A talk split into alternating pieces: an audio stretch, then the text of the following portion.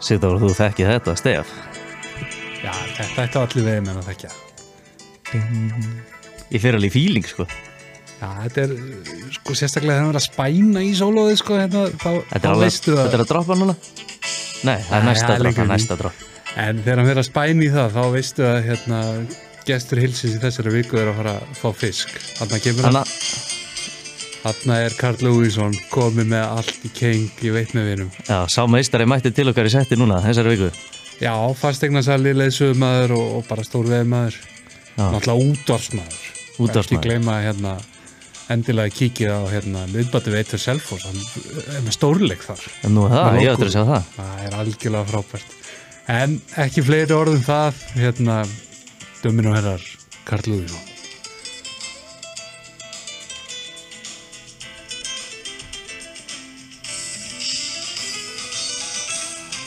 Galli, velkomin í heilin. Já, þakka þér kærlega fyrir búið. Hérna, nú ert þú í dag ekki bara veiði sjúklingur heldur svona lifið við að vera anríkur fastegnasali og brjála að gera hana við þökkum við bara fyrir að gefa þið tíma. Ekki mál. Hérna, hvernig gekk veiðið sumarið þegar þér? Uh, sko, skiptum við í tvent. Um, veiðin, svona tölulega sé að vera ekkit sérstök. Hún var allt í lægi. Mm Félagskapurinn er frábær. Og í mínu tilfelli fyrst mér það að vera að fara að telja hærra heldur en uh, að telja sporða. Þú sést að vera gammal. Já, ég það. Er 50 ára næsta ári, sko. Shit. Já, Vá maður, mér finnst þess að það bara er í gerð sem hann hlustaði á FM. já, það er ekki það. Nei, nei, þetta Þá er sko- ég kannski bara að vera gammal líka. Þú ert að eldast líka, það slúðis. Sko, um, sko, veiðin gekk bara fínt. Svona, engin eitt túr sem stóð upp úr eins og í fyrra, sko. Þá var þetta bara svona 50% af sömurinn í mér var bara geggjað, þú veist, frábær dagar, geggju veiði. Þá veistir ránga á Eh, til dæmis, já, Já. Og hérna, en þetta var svolítið meira challenge svona, þú veist, alveg sem að hvað á fórst að veiða, bara þetta var töff sumar í flestum mannum og ég, sko, ég lítið á þannig, mér finnst allt í lagi og mér finnst það heilbreytt fyrir veiðimenn að fá léleg ár af og til, vegna þess að ef þú upplifir ekki lélegt ár, þá kanntu ekki að meta góðar þegar þau koma, sko. Þetta þannig alltaf verið sammingi, en Já. nú erum við búin að horfa samt á þrjú svona sögulega vilja í röð. Eigum við ekki inni að fá allan eitt, þó var ekki nema meðalár. Eitt, eitt yfir meðalar, jú, ég væri alveg til í að fá næsta sumar yfir meðalar. Já, bara svona júnihólið í, í langa og fengi 20 pluss lagsa og allir sáttir. normið sko, þú veist, Já. 15-20 lagsa, það væri ágætt sko, en, en það er ekki alveg það er ekki alveg búið að vera þannig núna, Nei, en, en hérna ég meina, erum við ekki vongóður menn, við erum veiðimenn skilur við, þetta er alltaf, alltaf hefni og happ sko, já, já, maður svona, við spilluðum við hann hérna í síðustu viku, hann Beinunni á Hálfsóknstofnun og hann málaði svo dökkar myndir af þessu hérna fyrir okkur að það er ágætt að fá svona jákvæða mann eins og því að rífa þetta hans upp, sko. já, þetta er, ég held að sko sko, ef maður ætlar að setjast niður og fara að mála eitthvað svarta mynda því hvernig veiði er, tölulega séð eða, eða veður vatna eitthvað, þú alveg sem að, þú hvaða aspektu tekur að því Verða á veiðilegum og Já, allt bara. nákvæmlega, veist, einhvers staðar verðum við bara að svona, sleppa tilfinningunni veist, fyrir þessu öllu saman og hugsa bara af hverju ert að veiða Mhm. þú veist, ég fer í veiði til að njóta veist, bara félagskapur, náttúra og, og upplifun, ég, ég er ekki að fara í veiði til að veiða mér um matinn sko.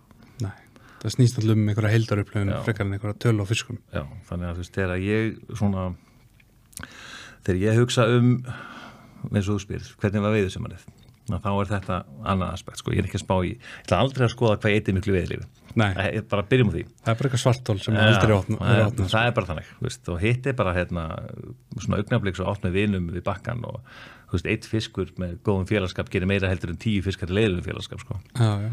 Þú ert náttúrulega varin að veiða mikið með konuðinni já, já, við tökum alltaf, við erum alltaf með eitt hál í hérna langá og hún er ekki búin að fara mikið með mér undarferðin á sko, en hún er alveg þrælfýtt viðmaður sko.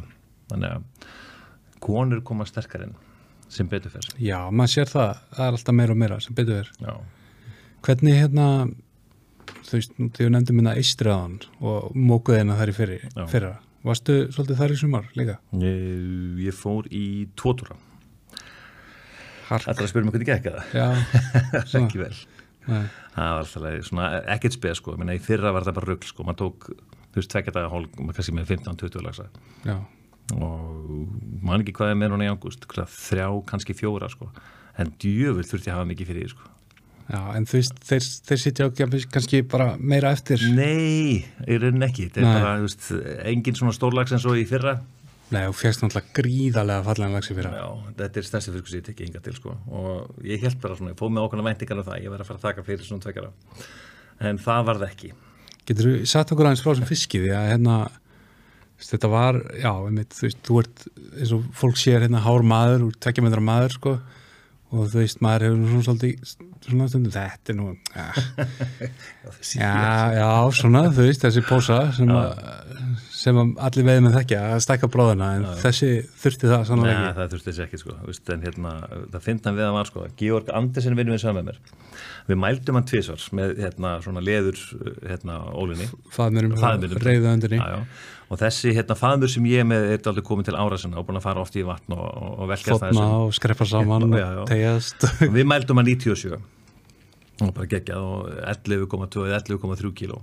Það svo- er róðalegu já, fiskur. Þetta er hrikalegu fiskur sko. En svo þegar hérna ég var komin heim eftir síðasta túrin í óttobur þá mældi ég það minn og þá var hann 5 cm stittri í hendur en hann átti að vera. Já, ég, veistu, ég skal alveg trúa ég reyna og hérna, láta þessa mynd fylgja með og hérna en þetta var ríkalegu fiskur. Já, þetta er geggjast að bara það sem ég var við fisk sko, nokkuð tíma sko. Ég held bara að þetta verði veist fast í botni í Já. svona 10 sekundur bara kongu djúptaka, þetta var algjörlega klikað bátsvæðinu í eistri. Já, og uh, hvað, hálf tími 40 mínútur meðan eitthvað þýsk snælda Nei, Sunray, senni klikkar í. Lítið þingdu Sunray, já, þetta er bara besta leitafluga sem þú nýtur undir er tíma sko. Svona í stærri túbunum, já, Sunray. Í litlu flugunum Haugur.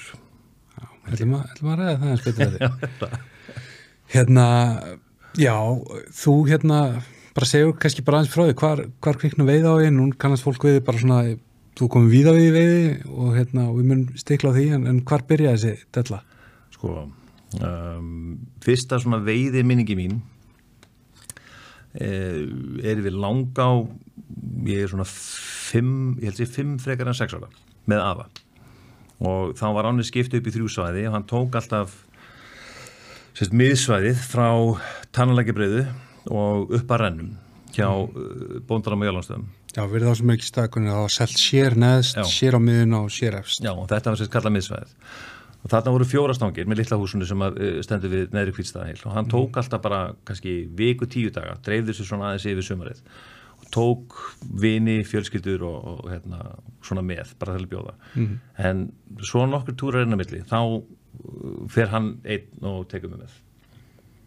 Þannig ég er bara svona alveg svolítið upp í það að horfa hann veiða í langa og þannig að þú veist kannski ástæði fyrir því að ég hef dálítið Þessa sterka- sterku tengingu þú veist, algjörlega sko um, Fyrsta fiskin veiði ég í langa no surprise á tannlækjafröðinni og ég er 12 ára flugulags Já, vel gert. þannig að hérna sko ég einhvern veginn, sko það kendi mér enginn að kasta flugu, sko, afi rétti mér ekki stöngu var að sína mér inn handtöka eitthvað svoleið, sko, en einhvern veginn bara þú veist þegar að fara með hann um þetta mikið að horfa á hann allan daginn, ég gæti setja kjur við hvern einasta veðist að bara horta það sem hann var að gera Kallið, þú er aldrei getað að setja kjör. Já, ok, í smáttinn og hérna en ég held einhvern veginn svona að þetta stimplist inn í eitthvað sjónminni þú veist, ég, þegar ég er 10 eða 11 ára gamall þá uh, hérna, fórum við upp á 11 vatt það sem hann var með bústað og þar voru stangir alltaf upp á svona rekka inn í stofu mm.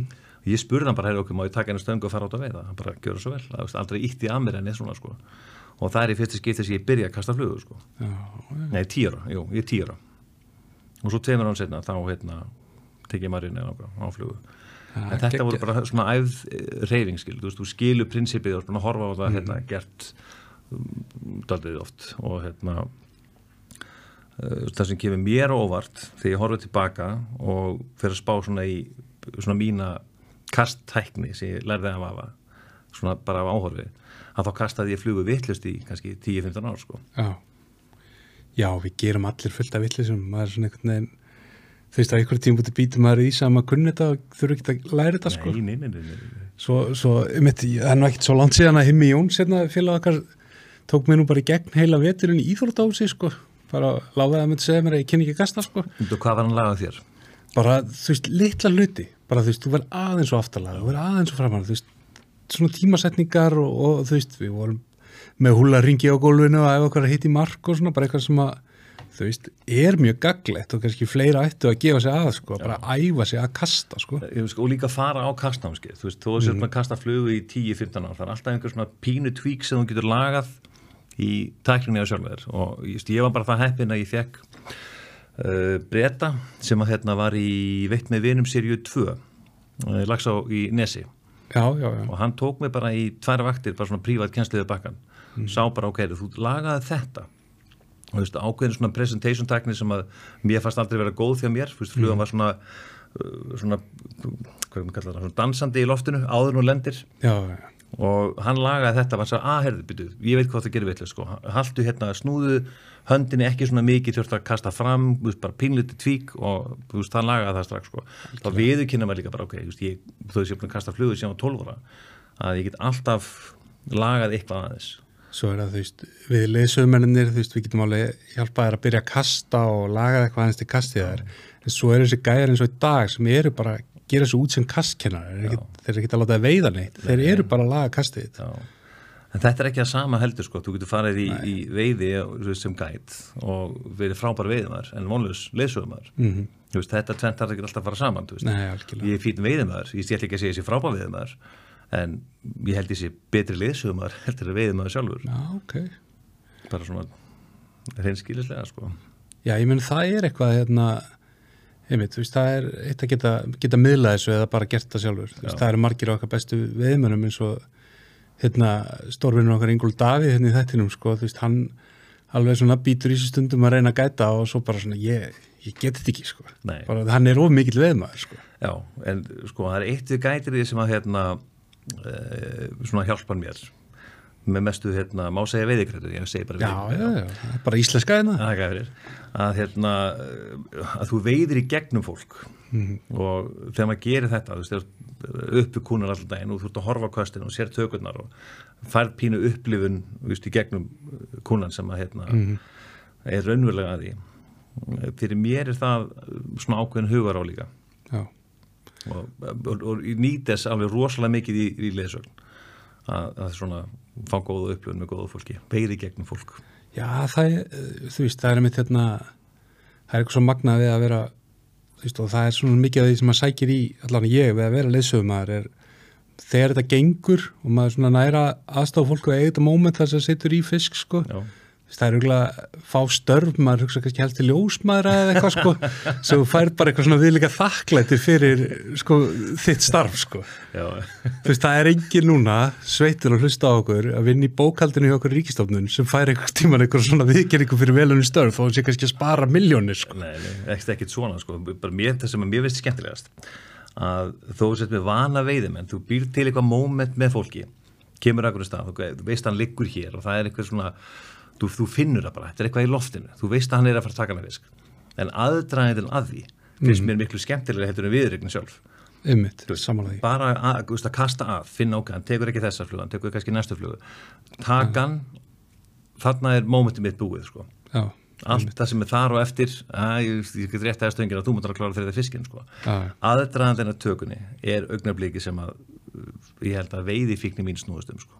algjörlega. Já, ég held að það er svona það verður um þetta alltaf svona eitthvað þroskið, þú veist, sem badd var maður alltaf að söði pappa að fá að hýfa inn, skilur Já. þegar hann var búin að sitta í og svo svona einhvern veginn fer þetta snúast meir um að gapa bráðana, sko. Já, því svo er þetta, sko, maður hefur verið að gæta hérna bæði ellenda veiðimenn og, Ísl og Íslandika sem bara geta ekki fengið fyrstjaldaka fíni veiðimenn, skilur fíni kastarar, skilur, en ekki fíni veiðimenn og hafa alveg, þú veist, réttmannastöngin og setja í fisk bara svo ég fá að spila veist, ok, ja. fæn sko en það, fyrir mér þá ert að taka bestu upplifuruna frá fólki mm -hmm. með ekki þetta og svo mitt ég, ég svona, þykist vita og sammála mér allir gætar sem að nefnir þetta við er hérna, veist þessir íslensku ofkastarar sem að koma með stóru stífustöngina langa þungaskottur sinn og þeir eru bara fyrsta kast er bara yfir á heimbakkan og neður á brot líka við sko. Ég þurfti nú bara að taka veipi fyrir að ég hefði það. Sko. Ég sperjast nú bara upp þegar þú segir hérna, þetta með löngukostin Ég held að stór mistök sem margir gera í svona meilungsám bara eins og langa á kjósin og bara þess að vesturlandsára Já, já, svona típiska vesturlandsár. Er þetta að þú ert að kasta oflant það er engin þörf fyrir þig að vera að kasta 20-25 metra, bara þarf þess ekki. Mm. þú veist, farðu bara nær. Þú veist, konduðu bara í þannig kastuð að þú finnur fyrir tökunni og sért ekki með ómikla línu úti þannig að þú hefur ekkert stjórn því sem þú ert að gera með fluguna sko. þannig að, hérna, já stitta kvöstin, ég held að það sé svona líkilatrið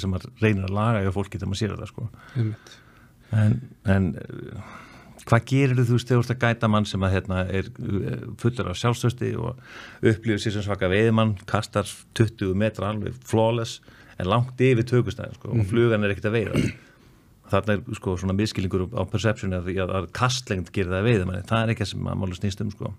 Ég man veit að til einu mómentir svona hérna, fyrir hrun. Bankamaður með undir mann sinn sko og hann var með hérna nýjustu skotlínuna og eitthvað svaka stöng og nummer 8 og þú veist eiginlega bara ætl til að veiða í sjó sko. Og við erum upp í kjarra og koma við þess að myndir Everett Johnson og tökuviskurinn er alltaf bara efst í stútnum. Og það var alveg saman hvað maður sagði hann sko maður sett hann, sagði hann að byrja eitthvað lengstur ofan og allt en alltaf bara sjá hvað ég er svakalegu kastari. Og svo bara það er ekki fiskur þetta drullum okkur Nei, það var akkurat þannig annað gæt og ég sagði, "Ah, ertu til að taka hann og fara með hann over, ég ætla aðeins að láta hérna undirmannin sem kunni ekki neitt sko. Það var ekki þrjá. Þú veist, ég hef með hérna breyta sem ég hef gæta hverjari og fjóri breytar uh, pappin í hópnum er 84 ára gammal á þessu ári. Og hinn er bara á mínum aldri og aðeins yngri. Gamli kasta miklu stittra en þeir. Hann fyrir miklu hægar yfir en þeir. En hann veiðir miklu meira og ég held að það sé bara á þessu prinsipi skilur, hann er engin svaka kastari eða, eða veiðimaður en fer eftir leiðsögninni mjög vel og fer nógu hægt yfir og er bara með stittra úti heldur en þeir teku skrefið sitt bara. Já, bara eitt kast, eitt skref, eitt kast, eitt skref, bara heldur þessu tempói. Og það er alveg, þú veist, það er unun að gæta hann sko. en nú hefur komið nokkulega hérna aðeins veist, lagsviðina þú byrjar hérna í langá og, og hérna þú ert svona einn af þessum mönnum sem hafa farið alveg djúpt án í hérna lagsaberaskap og leiðsögn og eitthvað en, en halda alltaf í svona vatnaveðina líka. Já, já, mér finnst vatnaveiði alveg ógeðslega skemmtileg. Og sé svolítið eftir svona svo núna í sumar að ég ætlaði að vera svo ferlega döglegur fór ekki nóg en mér finnst til dæmis hérna sko vakna 6, hálf 7 keira upp á þingvelli, taka morgunin til 10 eða fara eftir vinnu, komin upp á vatn kannski 7 veiða til kannski halv 11, 11 æðislegt, þetta er sko eh, þetta eru forréttindi í rauninni fyrir Íslandika að ég held að sé alveg sem að hvar þú ert á landinu. Þú veist aldrei meira en svona kannski 30-45 mínútur í gott vatn. Mhm. og það kostar ekki mikið að veiði en heldur sko, veiðin er góð þetta er bara veiðikorti, þetta er ljósavatn og þingullatn, þú veist, við erum með hérna bara í Reykjavík, þú veist, Bílstavatn, Ellegavatn Úlfljótsvatn, já, bara- talið upp alveg endalastu vöttum bara hérna í kringu bæin sko. þannig ég held sko það er eitt perspektíf í kringu veiðina sem finnst mjög skrítið. Að menn byrja í lagsvið sem ég held að séu mistök. Mhm. þú veist, ferði mjög dýra túra og þú ert að læra að veiða í mjög dýrum aðstæðum í staðan fyrir að byrja bara í sílung, vatnaveiði, ódýri veiði þú veist, lærði að breyða þessu tökur, lærði að þreita fisk spila hann í hjóli, og allt þetta svona eh, ef ég ætti að ráðleika einhverjum sem er að byrja að veiði í dag þá myndi ég alltaf segja kiptu við veiðkortið, farið vatnin, datu bíltúr, prófaði ekki bókaði þrjá daga prime time í einhverju á til að læra að veiða þar Nei. þú veist, mér finnst það ekki svona rétt byrjun Mér finnst líka, sko, að ég gæta svolítið í silungsvegi líka Já. að það er auðveldur að fá silungsveðimann í lagsveið og gera honum lagsveðimann heldur hann að fá lagsveðimann og ætla að gera hann Já, silungsveðimann af því að þú veist, veiðin sem að hérna, þú ert svona búin að festa í haustum aður með lagsveiðina, að veiða alltaf í rennandi vatni, veist, bregst öðru í þessu við tökunni og þetta er ekkit, þetta er ekki sama áskorun heldur, þú veist, í bleikju er þetta líka eftir agni eða veist, fæðu sem að fiskurinn er að taka og í lagsveiði er þetta bara alltaf annað prinsip Mhm. En ég myndi segja allan daginn sko, silungsveiði er, er miklu erfiðari viðfangsefni fyrir veiðimann eftir lagsveiði nokkuð tíma sko. lagsveiði er teknilega ekkit erfið veiðiskapur þú veist, þú kanta að kasta flug og skilju prinsipið hvað flugan gerir í vatninu og nálgun á veiðistað og annað er í lægi veist, þá er lagsveiði alltaf einfaldari og, og Sko langflesti lagsar eru lagsar sem hefur veiðst einhvern veginn hvort sem er, sko. Það eru mjög fái lagsar sem að þú sem veiðumaður einhvern veginn krakkar. já, Þú veist, maður pælir í hversu marga fiska veitum maður á fyrstu flugu. þú veist, það er bara 80-90% af lögsalum sko. já, já, góða þetta, já, mikið til Þú því veist, það er svo lítið auka en þú veist, svo náttúrulega eru sumun menn sem er nálega ótrúlegum tökum á þessu sko. Já, já, en sko áskorunin sko við sílungsveðina til þess finnst mér vera hérna þessi, þú kemur á vatni og aðstæðunar eru bara frábærar, þú veist, ligna og fluga í, í uppbytöku og allt þetta að það er að fara í gegnum 10-15 flugur áður og finnur nákvæmlega flugurinn sem það vil taka. Þetta er ákveð reward líka. Og mér, ég fæ öðruvísi reward út af þessu í lagsveið í dag. Uh, stærð kannski hits, veist, vera með litur flugurnar ok, allt í lagi, sko, en mér veist ekkit jafnast á við það að koma þessu upp á þingvallavatn, fara á blettinni mína sem ég þekki í vatninu og það ég sé þær upp í taka, fara í gegnum bóksið og finna, ok, nú er það að taka þessa flugur, skilju það mér setja miklu meira Það er reyðir í geggjað, vort heldur sko. lagsveið nokkuð tíma, sko svo þú veist, þegar það er, þegar það er þetta sko þetta stóra klak, þú veist, þú, þannig er ekki að fara að taka hvað sem er og ég hef áttalega, sko, þetta svona brýtum mann sem veðumann og gerir mann endar og betri veðumann, já, sko. eða. Þú veist, ég hef staðið út í brotaflóa í Lagsæð Mjósveit, það er bara þrjú ár síðan eða eitthvað, ég er búin að veða þetta um 20 ár, er þarna mikið allir fiskarnir í flóanum að vaka allt í kringum og ég fekk ekki eina tök. Við satt sitt ég hérna allan veturinn og nýttið þurrflugur sko, ég er bara, veist, vandfundið meira úrval sko á landinu og ég bara anskotin, þeir unnu mig núna maður. Já, en ég átt svona moment í hérna í minniháttaleg sem að mér finnst æðislegu starfi við það og bara gríðarlega erfitt ótt að krakka sko. hróttalega erfitt og hérna, ég man ég var með breyta hana fyrir sé ekki, 6-7 ár síðan eitthvað slíks í Viðarholma og þú þarf að koma aftan af fiskinum og þetta er svona háir grasbakkar svo sikur með við og þú sér það alveg aftan á hann. Erfitt að koma þér í færi það sem hann sér þig ekki sko. Já, mjög erfitt. En ég man ekki hvað við fórum gegnum 10-15 flugur eða hvað það var sko. Það var ekkert eftir þetta það lit aldrei við sko. Samt er hann að koma upp og vaka og, og hérna það var búið að fara neyri átti á Black Nut og eitthvað vesen sko. Hann tekur upp einhverja eh, litla púpu sem var nýtt fyrir hann í uh, fyrir svona tjálkström veiði í Breitlandi og hann tók þrjá á hana Já. samt hefur fiskurinn aldrei séð neitt þessu líkt sko. Nei, það er ótrúlega magna maður Já, en þetta finnst mér reward sko. það er líka maður samt þarf að hafa þess fyrir þessu þú veist, þú ert að pæla í, í, í flugum og, og æti og veðri og aðstæðum. Mér finnst þetta öðruvísi í lagsveðinu sko. þetta, þetta er oft sko, maður segir oft með silfurseinu sko, það, það er betra að gera minna sko, þú veist, þú getur oft tekið þetta svolítið á yfirferðinu og var duglega í lagsinum sko, en í silfurseinu þarf þetta bara að setja sniður, taka tvö köst stilla það kannski upp í þriðakastið, skipta svona um taum eða lengja, eða, þú veist, þetta er svona þú veist, þú, þú berð ekki tökuna út úr, þú veist út úr rísandi urrið að ég minna allavega skilur nei, nei, nei, nei, nei, þú veist bara presentation, val á flugu þessi skiptumáli Mhm. ég vil vinna það bara sem er lagsveðina sko. tvær flugur yfir hil er bara nóg þú bara, það er bara einhver regla hjá þér. eða bara tvær flugur bara, þú veist, ef þú færð eitthvað viðbröð þú sér fyrst koma á eftir eða eitthvað þannig, ok, eini viðbútt en ef ég fer yfir hil með tveimur flugum og það gerist ekki neitt, þá bara fer ég mig Ok, þeir hérna strákarnir í veðifélaginu, Gunni og Dotti, báðum um að spurja þeim um uppáhaldsfluguna, ef þú þyrfti Já, bara, er bara bara, að velja, eina flugu, hérna, þú veist, ok. Jésús Kristur, þessi einu, þetta kemur alltaf þessi, er ef þú veldur einu flugu Nei, en ok, þú ert búin að nefna tvær. Segjum bara, júli í langá, þú ert á tannalegjabreiðinni, það er bara svona vennilega júli dagur, þú ætlar að fara yfir með tvær flugur, vera til þess að vera vissum að þú sést búin að taka tökuvirkinn ef hann er alltaf. Green butt og haugur, Grínbætt á hugur. já, stærðum 16 Báðan um 16. já, green butt og haugur en fyrir þetta vatni, skilur bara, segjum bara normalt vatn. Já, green butt og haugur Þess að þau fá að sjálfsögðu grínbætt á hugur við eifilaginu nótunum 17. er það sponsum það? Sástu þetta að segja ég? þetta er mjög gott maður, gert. það er hérna, viðfélagi sem að við, já, Já, það, þú veist, svona, svona er þetta. já, já. En hérna, þetta er þessa tvær veist, eh, ég, sko, þetta eru fimm flugur sem ég held að við gefum með 90% af einu langa það er ekki meira það það er það svo gaman þegar menn mæta með alveg sko 30 Loðin tegundir í boxi, ég bara, þarftan ekki, þarftan ekki, þarftan ekki, þarftan ekki bara, taktu þessar fimm, farðu út í hana og málega þetta, ok, þú er búin að nefna tvær. Hver er hérna þrjár? Sönri, lítill Lillsonri.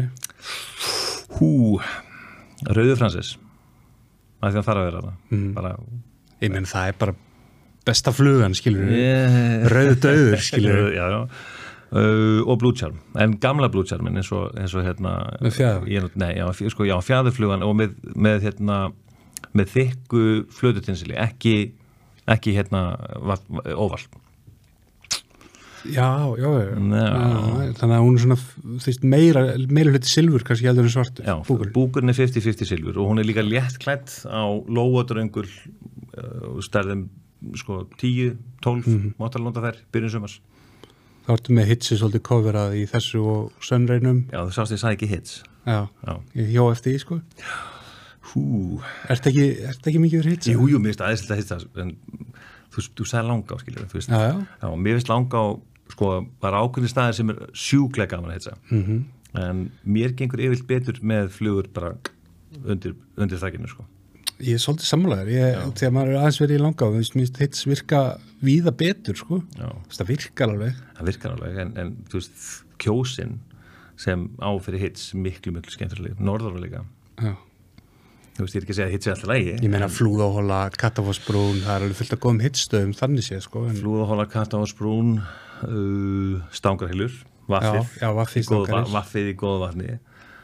Svona í fljóttu bræði, ekkert, ekkert svo marg, eða og glannabrót glanabrútið, efri kvítstæðhylur Já, hvert eru konir fjallið, þetta er svona þeir skemmtilegu hittstæðir að, kampari kannski, já, svona Góðandi, vatn, grund já. Og það var búið. Já, ok nei, þannig að- bíti, bíti, bíti, nei, gætahólan frá krokodil, Já, já, þú veist, það svæði í rauninni allt svolítið, en þú veist, það er eftir líka bara alltaf skilur. Íðandi nýjan fisk Já. og já, hugurinn ber mann halva lið nú er ég komin við annars svona, Já, sko. En hérna, komum aftur að langa á eftir. Hérna, við vorum að tala um vatnaveðina. Hvert, hvert viltu helst fara til þess að þú nefndir hólutnaðina á þingvöllum. Já, sko, þingvallavatn er svona eh, svona go-to vatnið, úljóðsvatn líka. Sko, úljóðsvatn er fyrst mér róttalega vanmetið veiðvatn, þú veist, fáið sem fara ángað og en veiðin er ekkit lélegri heldur en á, á þingvöllum, þetta snýst ekkert um það sko. En mér finnst að mann er afmarkari svona við ákveðna bletti en fyrir þá sem alltaf fara í úljóðsvatn næsta sumar við erum bara, byrjaði bara, þú veist, keirið upp að kirkju niður brekkuna, fara bakka þar punktur og uh, sko, út fyrir það vatnarsvæði lísu mjög skemmtilegt. Uh, uh, hálendisvötnin æðislega gaman, þú veist maður veiðivötn á, á góðum degi er þú veist, rosalega skemmtilega uh, ég fari á skagaheðina en ekki í nokkur ár. En svo skammast ég mér fyrir að segja það upp átt sko, ég á Arnafarsegina alveg eftir. Já, ég veit eitt vatnana, ég til það ekki einu sinni með, veist, ég á Arnafarsegina bara algjörlega eftir. Og mér langar sko, mér langar að skipuleika svona fjara, fimm daga túrarna á, á hérna, næsta sömri og læra á svæðið. Þú veist, án okkar vini sem veiða mikið eða, sko, en ég skil ekki ennþá hvernig ég er ekki búin að fara þarna sko. nei, ég veist, ég er svolítið með þarna. Ég hef farið tvisvar en mér langar svolítið að veist, þetta er náttúrulega alltaf svona gæta tíma sko, maður er búin að þú veist, maður er bara eins og hver önnur hóra, maður er búin að selja þetta.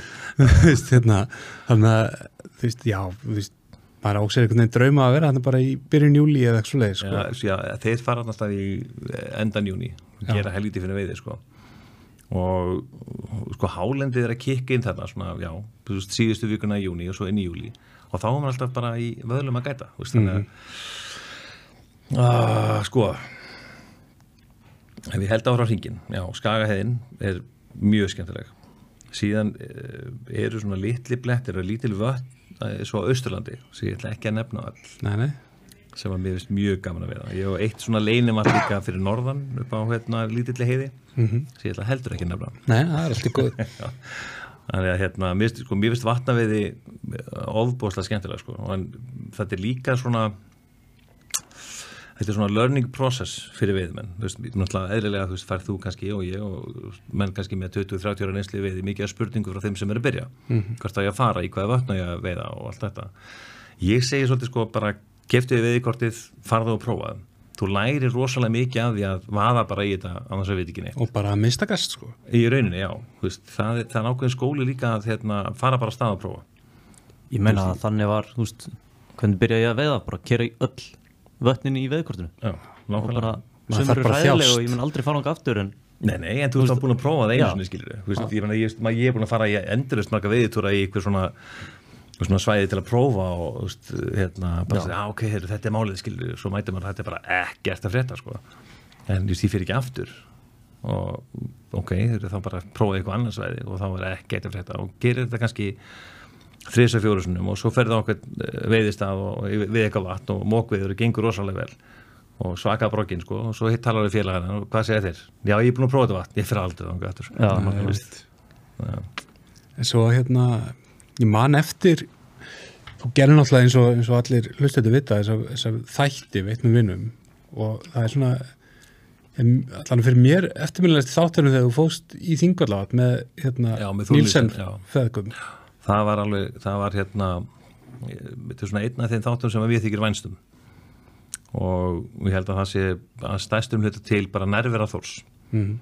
að þetta er einstaklega ljúumæður og hérna hann kendi mér svona eiginlega bara allt sem ég kann með þingvarvatn hann alltaf bara svona helgaði sig alveg þessum vötnum hérna svona í kringu Reykjavík mest. Alg, algjörlega skilur við og ég held að sko góðsögnum sem að hann skilur eftir sig bara með eh, svona hafa tekið eh, svona nokkra unga veiðmenn upp á sína arma og kent þeim á vatnið. Þessi strákar sem hann lærðu af honum eru allir að gera nákvæmlega sama í dag. Þú veist, þeir eru að miðla áfram því sem að hann kendi þeim. Og ég held að það sé svona hans legacy hvað tengt veið á Íslandi sko, bara að hafa klálega. svona komið þingvallavatni svona ákortið almennilega og eins þetta hugafar að vera alltaf tilbúin til þess að hjálpa.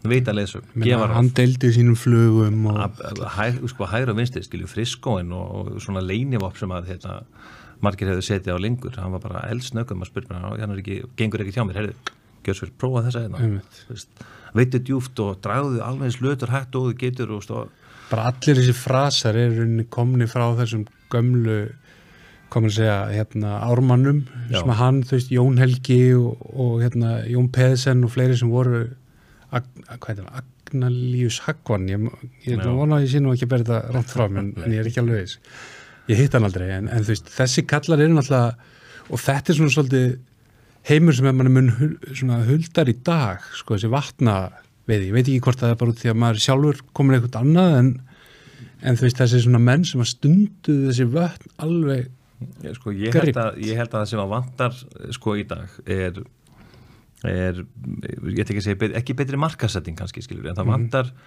betri kannski grunn veiði kennslu á því hvernig á að veiði vötnum. Þú veist, hvað ertu að gera? Þú veist, þú ert að kasta flugu. Þú veist, ok, þú veist að líka eftir eitthvað sem fiskurinn er að taka og þú þarf að hugsa, þarf að hugsa um tauminn og bæði þygt og lengt hvernig dreifur inn, hvað er þetta að kasta hvernig bregstu við og allt þetta. Sko það sem ég hefði vilja sjá nú ert þú þetta með veiðinámski sjálfur Jú, jú, Já, mikið rétt. já, já. Takk fyrir að koma verður Hérna. ég hefði viljað sjá sko kannski markvissara starf hjá veiðifélánum í því að kenna vatnaveiði Mhm. Þú veist, vera með skipulagt námskeið fara með kannski 10-12 manna hóp upp á þingvallavatn, upp á ellegavatn og gefa hverjum og einum dálítið mikinn tíma sjálfur til þess að útskýra hvað þú ert að gera Mhm. það eina sem að, þú veist, við gerum með þessu er að styrkja veiðisamflag, við búum til betri veiðimenn og ég hefði viljað sjá veiðifélagin svona leggja meiri áherslu á þetta, grunnstarfið, algjörlega. Heldur en að vera hérna alltaf að flagga einhverjum Nýjum þú og eitthvað svona dótt sko. Já, mér finnst ekki hérna svona, mér finnst ekki svona heilla vanleg þróun að segja að lagsveiðin sé betri eða á herri stalli heldur en veist. þannig að ég hef viljað sjá meiri reyfingu svona hjá veiðifílunum í því að rækta þetta grunnstarf betur Já, grunnstarf hefur kannski svolítið líka bara færst, eða þessi grasvot færst út úr veðifélagunum, þú veist, náttúrulega með samfélagsmiðlum og öðru, ég meina við erum að halda út þessu podcasti, Já, ekki bara, og, það er annað podcast um veiði, þyljóstöng og alls konar gróska, en vatnaveiðin hefur svolítið orðið eftir inn í, hvað maður segja bara svolítið inn í ármunum, já, þeir hafa elst og ekki einhvern veginn náða yngja sinn já hóp, ná, ná ekki tengingu við þessa nýju kynslu. Eina vatni sem ég myndi segja svona að eh, svona hafa eitthvað grunn í enduníun á veiðmennum er hlýðavatn veiðifylgin þar, þessi litlu klúpar þar er svona eh, svona uppeldisfræði því að afarnir er að mæta með barnabötnin og mm. þetta er svona þetta er fjölskylduveiði og gott vatnaveiði ég hef viljað sjá þetta víðar veist, þetta format á, á, á vatnaveiði rauninni, sko, þetta er ekki hægt alls stað ég gerir mig grinn fyrir því. En eh, svona Já, ég hefði viljað hérna og ætla bara að koma því á framfæri núna við þá sem er að lusta, er í forsvari hjá við fyrir honum, ebla þetta starf frekar. Nú hérna já, byrju, það er alveg úr með já, komum með eitthvað gott, gott segveið hérna fyrir okkur. En hérna já, við komum inn á hérna veit með vinnum sér hérna sem þú framleitir uh, gerði það alveg hellinga þessu. Ég meina, við erum að berjast hérna í að halda út í vikulegum hlaðastætti sem að þetta er ekki sama production og fara nýra á eins og við nú fengið sjálfur að reyna. Nei, sko er, Hvernig dast inn í þetta? Þess, þetta, er, þetta, er, þetta er leiðilegt að vera höstla spons og endalist í svona, við vitum það sko. Já, já, þetta er hérna, þetta er hörku vinna, sko, fyrsta fyrsta serían uh, ger hann 2004 og var með framislu fyrirtæki sem vann með mér í því verkefni. uh, þannig eina sem ég gerði þar er rauninni, ég framleiti þetta með þeim og þeir sáum alltaf eftirvinnslu, leikstjórn og allt þetta. Og það samstarf gekk alveg fínt sko, en þetta var svolítið dýrt. Mm Uh, 2005 fer ég í nám til Kanada að læra sér bara kveikmyndigerð og kom svolítið út úr því með að svona ákveðna svona hugmyndum einfaldari tökur heldur en ég var búin að gera í fyrstu sérjunni og það gekk alveg eftir þú veist, þá vorum við hættir að vera kannski fjara fimmana krú, vorum kannski yfir tveir og stundum þrýr aldrei mikið meira en það Mhm. stiltum svona upp tökum kannski veiðist að, að við vorum með gott verklag á því hvað við vorum að gera og við það að geta minga krúi svona mikið gert þetta meira sjálfur þá náttúrulega kostuð þetta þetta minna Mhm. þannig að þá bara gekk þetta upp sko. Þú veist, við, ég man ekki hvað fyrsta serían kostaði í tótalt en hún kom ekki út í pluss Nei, ok.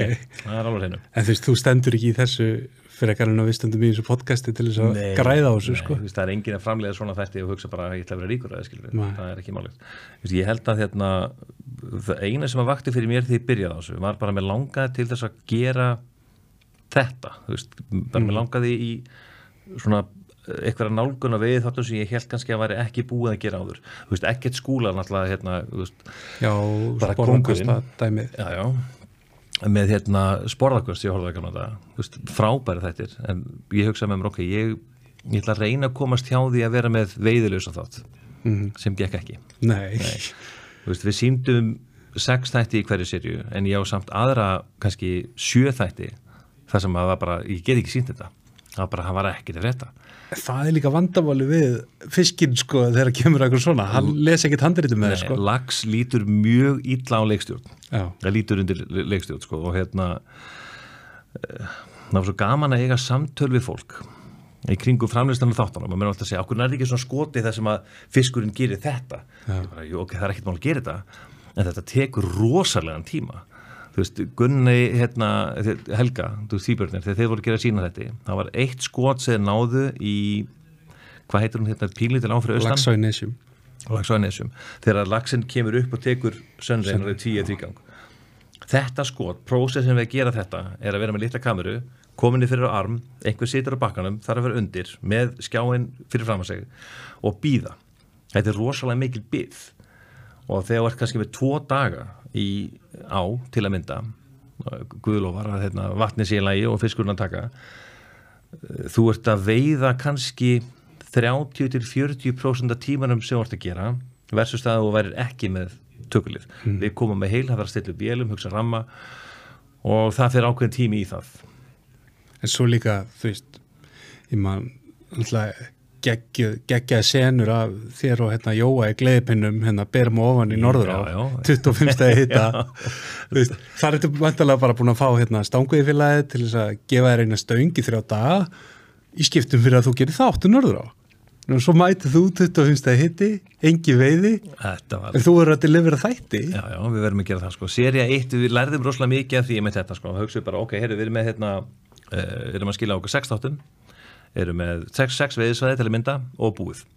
Og norður á þátturinn kendi hérna, kendi okkur þetta, dýrundómum, að bóka og, og vera með meira tilbúið heldur en Já. maður gerir á fyrir. Þú nærið ekki alltaf þættir um að tveimur dögum Nei, dögum. þú bara gerir það ekki og serja 2, 6 þættir mynduðum 8 serja 3 mynduðum 8 síndum ekki nema 4 eða 5 eitt þáttu var bara svona samklipa af best of Já, einmitt.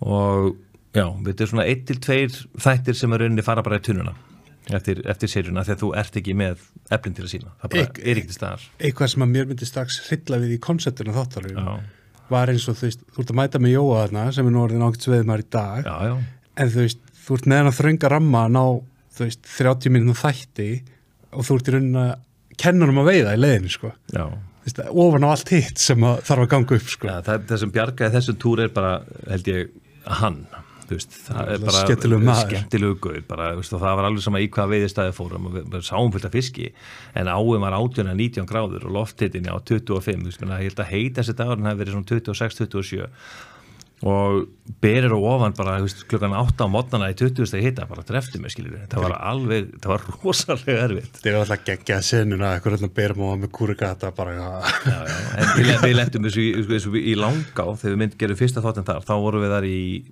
byrjun seft sem að ég, þetta sá tími, ég elska september langá, miklu fyrir að vera það heldur en 10. ágúst. er mikið frekar sko og, og hérna, þá var áinn bara vasslaus, það var ekkert vatn ógeðslega rétt og ég þekki langá vel Mhm. ég endaði með því að mafka upp eitt lags, já ég sagði mafka upp sko uh, í sérst, svona litlum hil þar sem að flúðahólan flúðahólan endar, kemur rennan smá heilur og ég sá hann svona liggja með trínið upp í bakkan og ég bara skóplaði maðkinum upp í hann og búið. ekki hérna hvað er þetta lækjar, Nei, þetta er fyrir ofan hérna, ekki lækjabreið já, bara akkord þátt að milli. En þú veist, það var líka erfið þáttur að mynda og erfið þáttur að sína, skilur, þú veist, maður setur vinnu og stolt í þetta og sína sér að þátt svo norðrana, þú veist, engin veiði og svo langana, eitt fiskur, þú veist, bara þekkið þú ekki langar rosa vel? Jú, en hún var bara, þú veist, varslega svo erfið við feikum að kenna þessu sjálfur í sumar, sko, ekki það, ég heldur hún alveg náði þátt sem að kemur út í, í vetri okkur í Laxadal. Já, með, hérna, vinum okkar kattisbræðurum að, hérna, þú veist, bara besti tími, hérna, eitthvað 16. júni og átti bara að móka eða eitthvað, svo er bara snjór, já, það er bara apríl. Já, já og svo náttúrulega lendir í því að jú, jú, þegar þú sittur í fiskar þá missir þá. Og allt svona, þú veist, þegar þú fær tökuna þá var hann akkurat að taka mynda kríu sem var að, þú veist, og allt þú veist, það, svona er þetta. Um leið og myndaðalinn byrtist, þá gerist ekkert svo snýrun hinn áttina, þá gerist allt. Já, en nú ætlum ég að segja þér lindamál Það deilaði með þér og hérna uh, við vorum spurðið svo ofta að því, hérna, bara djúður er þetta hefnir með að ná alltaf hérna tökunni? Bara djúður bara hvaða grís er þetta? Bara þú ert að kasta á tökumann alltaf akkurat með hérna, myndavelina þér þegar fiskurinn tekur á stönginu upp, þetta er geggja, djúður er þetta hefnir sko uh, sannleikurinn í þessu dæmi verður til í serju 1 í sóginu og þá var ekki verið að mynda mig þegar hérna, fiskurinn tók á, á bílsessbreiðinni og uh, hérna, strákur sem hefur leikst þetta um sér, heyrðu, við okkur vantar ríflexi, okkur vantar þetta hér. Já, veist, hann er á móment Já, og hérna, hann heyrðu, átni sem var hljómaðurinn heyrðu, farðu hérna út í eitthvað. Og ég, Kalli, getur ekki kastað á hann? Jú, ég getur kastað á hann, ekkert mál og svo grípar hann bara línuna, tógar og ég lifti upp. Og ég var bara, djöfuti, þetta styrjút ég heit ekki að þetta gerist alltaf. Nei, en svona 50-60% af tökunum eru, eru feikaðar. Ég var einmitt sko við tókum upp aðeins svona lítið vídeo í eldvatni í vor sko. Og þá var hérna var Birkir að segja um sko hérna þú þurfum að taka svona veist kannski eitthvað, eitthvað skota svo tekur einhvern svona talar um einhvern aðdraðanda og svo ferðu að executa það ég bara eitthvað, já það er heldur mikið vinna að taka það. Nei nei, þú fer bara veiðir svo þú er búin að veiða fiskinn þá sittst upp í bíl og tökum upp nákvæmlega hvernig þú ætlar að gera þetta nákvæmlega eins og gerðir það og klippið bara framfyrir nema við endum á að gera það ekki. En ég er búin að horfa á í þú veist, 20 pluss ár fullt af veiðvídeóum hafði aldrei dottið í hug að svona væri þetta gert. Það var allt bara einhverjur tömlösi snillíkar sem bara teiknuð upp ég ætla að vaða hana með þessa flugu gera þetta svona auðvitað er þetta allt ekki eftir á. Já, og, og sko það er sko þetta er eins og þegar við komum á hérna á veiðistaf, það verðum mynda. Uh, þú tekur upp efnið í ákveðnuröð byrjar því að taka bara, ok, výrama hérna. Hér er veiðistafurinn, bla bla bla bla bla og hugsa alveg eins ok, hvernig ætlum ég að narreita þetta? Svo getur, næsta skot veist, komið við bakkan og byrjar að kasta flugu, svo þarf þetta cut away veist, lítið skot af hilnum hérna nærmynd af honum og nærmynd af hjóli. Þau eru búin að sapna þessu saman í smá tíma og engin taka, allt í góðu, færið þig. Svo er þetta heppin, fiskur á. Þegar ef þú byrjar svona fyrir þá sem að hérna, er, vilja gera YouTube myndbönd og allt þetta þetta er ákveðin prósess í þessu sem að þú getur gert þetta auðvildara fyrir þig.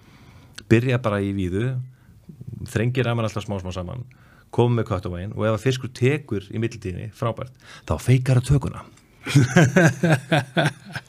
Þetta er industry secret sjá. þú ert svona galdrakall að gefa upp triksegin sko. Já, var verið að strippa í hljóðmannin svolítið í veitnu vinum það það var svolítið heppin sko.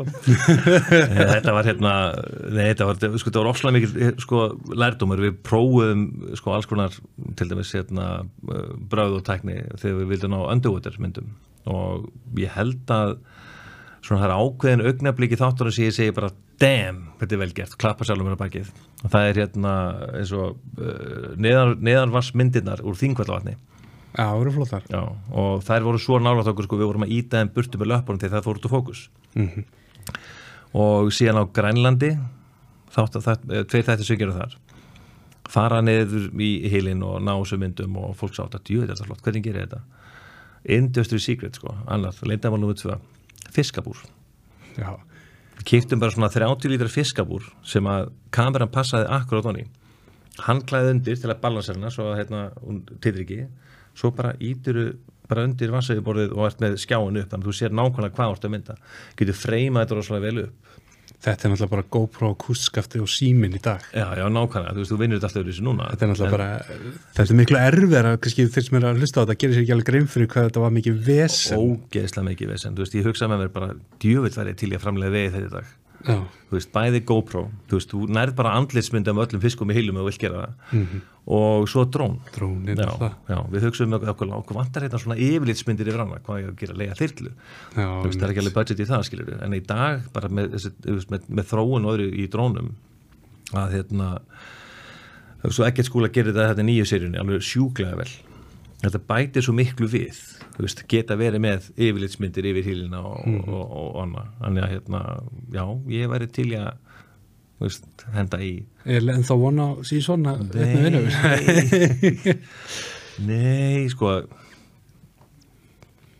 ég var alltaf með maganum svona ákveðna hugmynd að gera kannski 60-90 mynda mynd sem er svona kennslu myndband eða, þú veist, ákveðin aðferðafræði sem þú getur sínt in action veist, við bakkan að þá kemur þetta upp, sko, tími. Já, Já, tími sem þú þarfst að hafa til að undirbúa þetta og gera handrit og vinna efnið, það er uh, svona frekar af skortum skamt í mínu lífi dag. Já, einmitt. En mér lang, er svona, ég á handriti til svona grófunnið. Og það kýtlaði mig alltaf pínu lítið sko bara ákveð mér, alltaf, vanta einhvern svona endapunkt á seríunar Já, bara eitthvað svona einhvern svona grand finale. grand finale, já, takk. Og ég byrjaði að skrifa þetta fyrir svona fjórum þetta handrit og svona, gera svona ákveðin sett upp á pælingar og hvað ég vildi svona koma til skila. Þannig ég er ekki alveg búin að hérna, svona, ég er ekki búin að gefa það alveg frá mér. Ég ætla ekki að segja að ég sé að fara að gera þetta heldur. Þetta er á bakbrennarunum þetta er á borðinu. Já, en að koma þessu af borði inn í production er dálítið stórt skref og það fyrir mikið tími og, og svona í að gera það og jú, kannski, sjáum til. Ég vil ekki rofa henni inn en sjáum til. En það var líka eitt hérna sem að kannski við þökkuðu fyrir hérna veðmenn að þú hérna settir þetta allt inn á YouTube eða svona megnið af Já, ég á eftir að setja restina sko. Já, er alveg, þetta er aðgengilegt öllum ókipir sinn á YouTube í dag.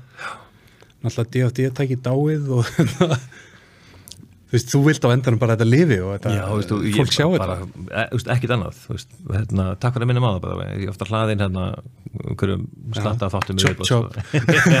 fyrir jól. Já, hérna, já, mér finnst þetta bara vekktin vera svona efni, just, mér finnst ég ekkit eiga þættina, þú veist ég veit frekar að að allir fá að njóta mm. -hmm. bara, DFT-salan var rosalega fín og þetta gekk alveg upp og fjárhagslega borgaði þetta sig og, veist, menn ekki brjálega gróði, ekki Nei, mínus eins og þetta- eftir fyrstu sérina svo var þetta ekki komið inn á deildu og eitthvað svona og það var bara svona, er Já. ekki bara að opna þetta Já, ég gerði það eiginlega vegna að þetta var komið sko, í þessar sjóra, inn á þessar sjóraningasýður eða hvað þetta heitir sko. Og DFT ég náttúrulega hrundi á bara yfir nóttu. Þetta var bara ein helgi, það bara, var DFT bara búið. Já, vítilöfunum fóru með og bara, það, og þá hugsa maður ok, heyrðu, bara, hvað ger ég núna, ok, þetta er búið að borga sig. Fjárhagslega hefur þetta dæmi gengið upp og ég er búin að skilja einhver að mér og mér finnst þetta ég er ofslega stoltar af þessu. Mhm.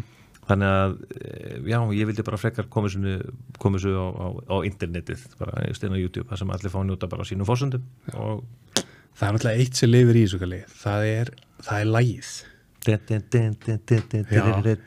við vorum að fara í veiði í haust og vorum í einhverjum svona spjallópfélagarnir sko og þá allt í því kemur bara einhver linkur og Spotify og maður klikkar það og maður er eitthvað lag og hvað lag er þetta? Fannstu var, það var ekkert látið fylgja, nei Marvin hérna félag okkar sendið þetta inn og maður bara, hvað? Svo bara svona, kom hugljum, bara býta þetta veitnum vinum lagið. Sendu mér hérna linkin á Ég skal senda sko á hvað þessu. Þetta er Þetta sko. er, Lagið Birgir auðvitað heitir- láta óma undir hérna við þekkja rétt. Já, við fengum leiði Það heitir Chihuahua. Chihuahua Já. Takk maður, við fengum leiði fyrir þessu lægi Þetta er eitthvað svona hérna, Já, þetta er copyrightin. Já, já, Hann er það. ég bara Það voru glöggur bara. Pínu Heyrðu, en hérna, þetta er inn á Spotify maður. En þá var út af því að að þú þurftir að fá leiði. Já, Þá gæti hann farið í sko lýsinguna á YouTube-vídeónu og þar kemur skilur copyright takkið á, já, ok á, na- og nafni á læginu og well, flytjandi. well played, well played Ég hef búin að stengli með þessu maður Það var eitthvað svona að peppa, Chihuahua. peppa þá datt þetta bara inn, bara, bara linkur og ekkert sagt og bara, Og þetta er ná Spotify. Þetta er á Spotify, þetta var bara þemalagi mitt í senstu tömmi túrunum er þetta bara núna var leið mitt við- fyrir restum túrum sko. Var Við- við við erum nokkið strákar saman í svona klúb sem að heita, heiti Veiðifélagi Vósbúð og það kemur til að hérna, við hefum aldrei fengið gott veður. Aldrei, jú, jú fyrir ekki. Í fyrra, en þá vorum við aðskildir. Við vorum hérna ég og, og Jóhann Axel Tóraðinsen vorum með Eistirangá og Georg Andersen og Valdimar Hilmarsson. Hann var hérna Já, þeir voru í, í Laxadalum og við áttum að vera, vera veða með þeim þar. Og það var bara tími bara á skortum skamti og Jóhann í kominu flugi og við ætlum að leiða okkar sessnu og fljúa, hann er flugmaður. Og það gekk ekki upp. Það er eina skipti sem við höfum fengið gott viður á báðanstöðum þeir voru 27 stöðu heita fyrir norðan og við svona rétt að sleikja átján í eistri þannig að þeir eru komið saman þá verður vósbúð alltaf, við fáum ekki gott viður í viði en verður þetta samt ekki sko leðilegt, ég sé þið fyrir mér sko þegar keiri veiði, lægi komið á og þú bara svona narri þetta allt sem að gerist. Sko. Georg veður út á breyðuna og hefur sig til kast við eigum, við, við eigum eitt hérna, svona ágætis moment við hérna í veiði fyrir henni vósbúð og það tengist veiðistanum Hornhill í Langá, Í Langá, já. og í þættinum, nú kemur annað aðrunvildamál uh, í þættinum er textin orðrétt Hornhillur er skemmtilegur veiðistæður ég hata Hornhill já, ég hata þennan veiðistæð hann er fallegur. Eh, Þessi staður var mitt helstyrni í áni þetta er bara þetta svartól veiðimennskunar bara ég get ekki skil, ég get hann að staði ekki sko. Ég veit í strenglu fyrir neðan. Já, já, hann- hann skemmtilegur já, já, og, og, og í grjótunum. Ekkert mál, en í heilnum sjálfum aldrei, fyrr en í fyrra. Já, í þessu ömurðar ári ég hef aldrei gætað nei, fyrra, hitti fyrra fyrir ekki ég hef aldrei gætað fisk úr hortnil og aldrei tekið fisk úr hortnil fyrir þá. Og þá settum við fjóra á löndu en Veist, en, ég hef aldrei fengið fiskur stað. Já, en þú ert að tala með, með narrationið skilur við Já. að narrationið okkar bara, veist, er þetta. Hortnilur er skemmtilegur veiðistæður og punktur já, einmitt. Þetta er já, þetta er svona, það er ykkur, þú veist, þetta er alveg veginn og það er þægilega að drepa 20 minnur á til að skipta í kannar Eh, Þetta er staðurinn sem ég fer með hérna kúnana mína sem að haga sér ekki vel. Já, ok, og svona know-it-all-lið þetta er skammakrókur Þetta er skammakrókur sko. Þetta og svona, þetta er fínt að eiga svona 2-3 staði þegar menn vera svona, svona overconfident. Já, Já, kæla Ég þarf það aðeins að slökka þér fara með hann í bara einhverja svona vonleysur í smá góð sveppamói þarna í, í, í, hérna, í byrkinu þarna í kringu staðar Nákvæmlega. Mikið að bersækja sveppum, kannski var að sjá þeim. Já, já, og svo það líður á tíðanbili er bara svakalega aðalblábærin hérna er rosa fín og veist, já, þetta er, er staðan til að drepa tíma en, en ekki veiðistæðar sem að ég, ég held mikið upp á. En veiðistæðar sem ég held mikið upp á aftur á móti. Já, byrju, það er hérna, það er hitt blöggið sko, það er hérna eftirlætis veðistæðurinn er búið Eirberg Sko. Sko Ok. Um, Já, með marga veiðistæði sem ég myndi segja svona náina top 10 klárlega. En staður sem að mér finnst persónulega skemmtilegast að veiða af því að hann er svona, hann er flókin og ekki auðlesin heldur er kerstafafljót í langá. Bara fyrir mér óþrúndi staður. Fiskur stekkur hérna alveg linnulaust, tekur illa. Já hann, hann, sko, tekur illa nema þú veiðir hann rétt. Ú, þetta var helvitis bakkvöld var þetta maður. Sko. Það er sko, ég, Tek þess að hverju eru já, já, eh, sko, það er þetta veiðan beggja vegna frá. En það fer eitthvað vatni hvort, hvort ég veiðan frekar vestamegin eða austamegin og ef, ef ég ætla að veiðan austamegin frá þá veð ég til skrjótin sem að skilja að þarna strengin og, og fljóti sjálft. Þetta er unni tveir svona samlíkjandi staðir við það sem áttu ekki á þessu, þetta er kerstapa strengur. Kestaba strengur og kestaba fljót. Að þið er búin að veiða strengin að, austanverðu þá veð ég út í ána alveg út af ysta rauðasteinum og þú stendur við hann þá stendur er svona smá stein, steinbrot upp úr. Já, svona illa hlið, eða ekki, svona tveir Nei, steinar. það er, það er, það, það er annar tökustæður Já, ok. en fyrir ofan það, bara þegar þú stendur við einu rauðastein er svona pínu lítið hotn upp úr og við það er, svona smá læna. Þegar þú- lest í ströyminn þá sér það strax. Þetta er fyrsta tökustæðurinn bú með hann, ok, þá færðu þið aðeins til vinstri þá kemur svona pínu til beigja í broti þar fyrir neðan og þá klárar það, ok, búin hérna aðeins, bakkar aðeins. Pínu lítið svona speilvaff í miðinni klárar það, bakkar aðeins. Fer niður á klöppina, veiðir sérst, hægra grjótið í þessu hliði mm. búið með það, ok. Svo veiður yfir ána e- efst það sem að hérna, litli bollurinn er fyrir ofan ofan hérna uh, kestabastreng er smá tökustæður einn fluga á búið. Síðan heldur áfram kerstafafljótið, þá veiðuru strengin uh, þar sem þetta litla grjót stendur upp úr uh, bara frá vestanverðlandinu. -hmm. og svo kemur líka að litla þrýðingsblettunum frá vestanverðlandinu. Vinstra grjótið við hliðið og, og, vaffið þar fyrir neðan, veist, fyrir mér er kerstafafljót svona einn af skemmtilegri veiðustöðum í langar, vegna þess að hann gefur fisk allt tímanbilið En þú brýtur þetta svolítið mikið upp og svona eins og maður, eins og ég svona hef hoggið eftir að, að veiðmenn sem þekkja að veiðistæðan svona vel gera og kannski eitthvað sem fólk ætti að pæli í er að þú veist, veiðistæður er ekki alltaf bara eitt veiðistæður. Þú veist, þetta er, þetta er þessi steinn og það er þessi blettur og, og svona reyna að brjó, þú veist oft svona stóri staðir jafnvel sem eru mikið flæmi skipta þeim bara niður þegar það vir- virkar svona svona, oh, hvað er ég að veiða hér veist, byrja bara að veiða þetta svo En- tekur þetta En þetta er líka þarna, er eitt sem að, hérna, mér finnst skemmtilega stíkæðinu. Það er að kenna mönnum að lesa ána. Hvað er að gerast uh, í vatninu, veist, og þú horfir yfir einhvern heil. Segjum eins og uh, stórhálfgöld, sem dæmi. Hún er mjög hröð uppi, hægir á henni í beginni og svo uh, þegar hún komið fram fyrir klöppana fyrir vatni að, að, svona, að, að spýti lóna aftur.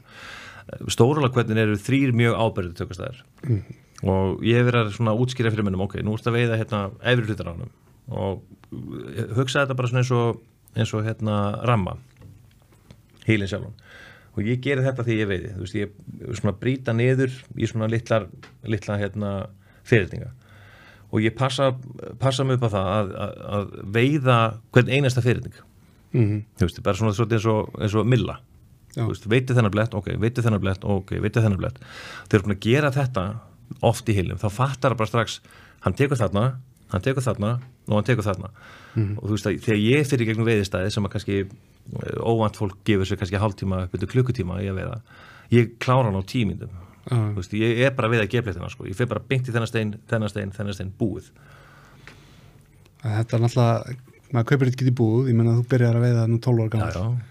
Já, ég, ég, ég, ég þekki langa og náttúrulega áðbúrslega vel, veist, en ég er búin að veiða svo kjósina lengi líka og kjósina áðbúrslega skemmtileg sama með hítar á og, og svona, svona, já, fleiri víðals á hún er svona líka, þú veist, þú getur farið í gegnum ákveðna veiðistæði og þú fattar bara eins og dalsárós.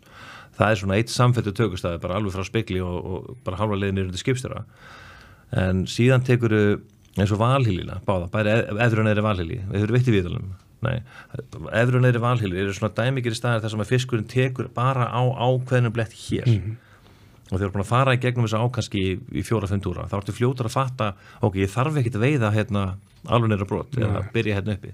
Þú veiður bara beint í staðin þar sem að fiskurinn tekur og úst, þetta er bara reynsla, þetta er ekkit annað skilur Svo er líka fullt af stöðum, skilur, sem að halda oft mikið af fiski, en það er ekki tökustæðir, skilur. Veist, það, það er kannski óþar að vera berja á hann, þú veist, ágætt stæði með bara glanni í, í langá til dæmis, þegar við vorum að tala um langá. Já, Þú veist, tekur oft mjög illa. eða, Nei, fyrir neðan, þú veist, fórsum, maður sér alltaf yfirlega líka stóra fiskar og svona, Já, já. en taka oft mjög illa. Já, þú veist, það er ein, það er ein leið til þeim start, þú veist, ég hef átt moment í hilnum, ég myndi ekki í brotinu, þess að ég tók Mhm. sjö lagsa á klukkutíma þú veist, bara, það var alveg sem að hverja hendi úti það var alltaf á en heilt yfir eins og með neðri partin á hann þú veist, þú, ferði yfir þetta með kúnuna kannski tíu sinum eitt er að færa fisk.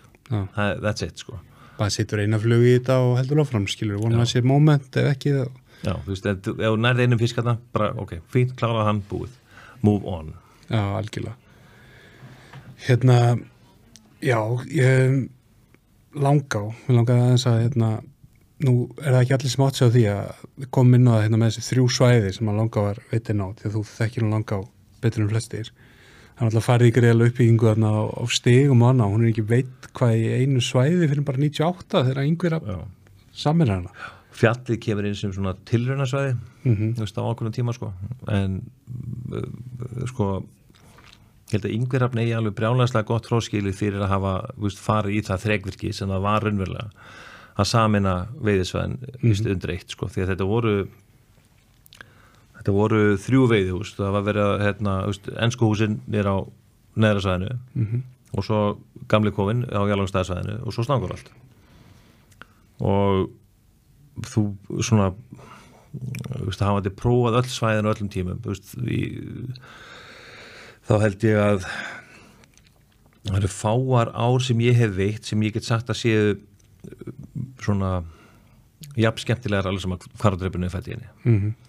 Og uh, hvernig það var ekki búið að samina þetta allt auðvitað einn hatt miklu, miklu, miklu fyrr. 98 sko, Já, þetta ég, ég, ég skilða ekki sko. En nú er hérna, já þú veist, bara eins og svo sem fólk veit, þú veist, þú ferð ekki langa til að veiða stóra fiska, þetta er, þetta er smálags á en, en þú veist, skemmtileg, svona tildurlega röð, Já. Eh, teknísk hröð. Mm margi Og- staðir, já, margir staðir, stuttamöndi staða, aðgengileg. Fiskur yðurlega mjög Já. dreifður, já, en það er eitt hérna við langa á sem að kannski við höfum ekki rætt í, í þessum þáttum áður eða, eða kom inn á, það er þessi bleikja sem var hérna auðfrá, já. Þú fyrst nú eitthvað að kynast henni, e, já, þú vilt ekki segja um það. Nei, helst ekki. En svona það er, þú veist, það er því miður, það er bara staðrind að það, hún var miklu leitið þurrkuðu. Já, sko, að einhverju leiti, það er hérna ákveðin blettur þar sem hérna uh, þar sem bleikjan uh, safnast saman á, svona, á, góðum dögum. Og þú sérð alveg bara svona torfur af rosalega fallið svona tveggja þryggja punda bleikjum. En þetta svæði er eiginlega bara svona prívat svæði fyrir uh, landegandur Já, þannig fyrir ofan ámót. og það hleypa ekkit hérna mörgum þangað að sko, ég fengi að fara það einu sinni. Einu sinni, Er þetta skemmtilegt svæðið það er ógeðslega skemmtilegt svæði sem fyrir bleikjuna sko. Já. laxasvæði þetta uppfram finnst mér ekkit sérstætt sko, þetta er svona tveið, þrýr góða veðistæðar en hitt er uh, sko, að fara hann upp yfir og segja bara ok, ég ætla bara að veða bleikju. Er æði. Það er en þú náttúrulega veitt á flótolt og maðk og hmm, það er náttúrulega veitt á flótolt og maðk og drepið og, já, laxasvæðinu? Nei, þarna upp á já, já, já, já, það er hérna en eh, það er nú ekki drepið mikið hérna sko Nei, ok. en það má líka þú veist, það er grísin er bara allt í góðu með bleikjana sko Stærsta bleikja, svona staðbundin allan sem ég séð, held ég að ég sé bara hann upp í, upp í ármótum. Bara alveg kolsvört. Ég var hérna með ykkur útlíka í lagsleysinu 2019 og fengum ykkur fjóra, fimm bleikjur og þurflu, ógislega gaman sko. já, En svo var hann einn skessa gömul svakaleg sko. Hún var svo bara svört og með hvíta ögga alveg svo draugur hérna á botninum sko. Já, og þú sér það mjög vel sko, sjá stóru bleikutina langa þá ferði upp í ármáls, lappar yfir og skoða litlu víkurnar í hólmunum veist, fyrir, fyrir neðan árbændin, svona 200 metri fyrir neðan Mm. En Kalli, hvar á að ég svona tikka í nýtt box árið 2022? Eitthvað nýtt svæði sem það eru lengi langað að fara á? ég held að hérna Arnáðsinn verði þar fyrir val ég, ég held að sé bara löngu tímabært ég bara sér smá tíma í það. já, og bara fara upp í Brittan Jeppa í 5-6 daga og kýra upp á heiðina og, og svo þetta bara vaða í það. Bara, þú veist láta bara að reyna. Bara ekki veiði tími og ekkit, ekkit veiði ús með þjónustu og bara bara slökk á símanum aðeins og Já, og svo þetta er frumstætt líka veist, bara, ég, held að, já, ég held að ég held að það sé svona efst á mínum lista fyrir þetta svar Það, li- mér líst vel á það, ég, hérna, ég er að döða öfundaði að því, ég, ég efast um að ég ná að gefa mér tímið þetta árið, en Já. þú veist, það er þú veist, ég hætti að selja sálu mína eitt daginn og fer og nýtt hérna miðnættu sólarinn upp á Arnaðasi Já, ég held að, hérna, að þetta, þetta sé bara já, ég er komin á þennan bucket lista núna og, og á þennan aldur að ég verði að fara að klára þetta. Herru Kalli, frábært að fá því í hilin og takk fyrir að gefa þið tíma. Já, bara takk fyrir að bjóða mér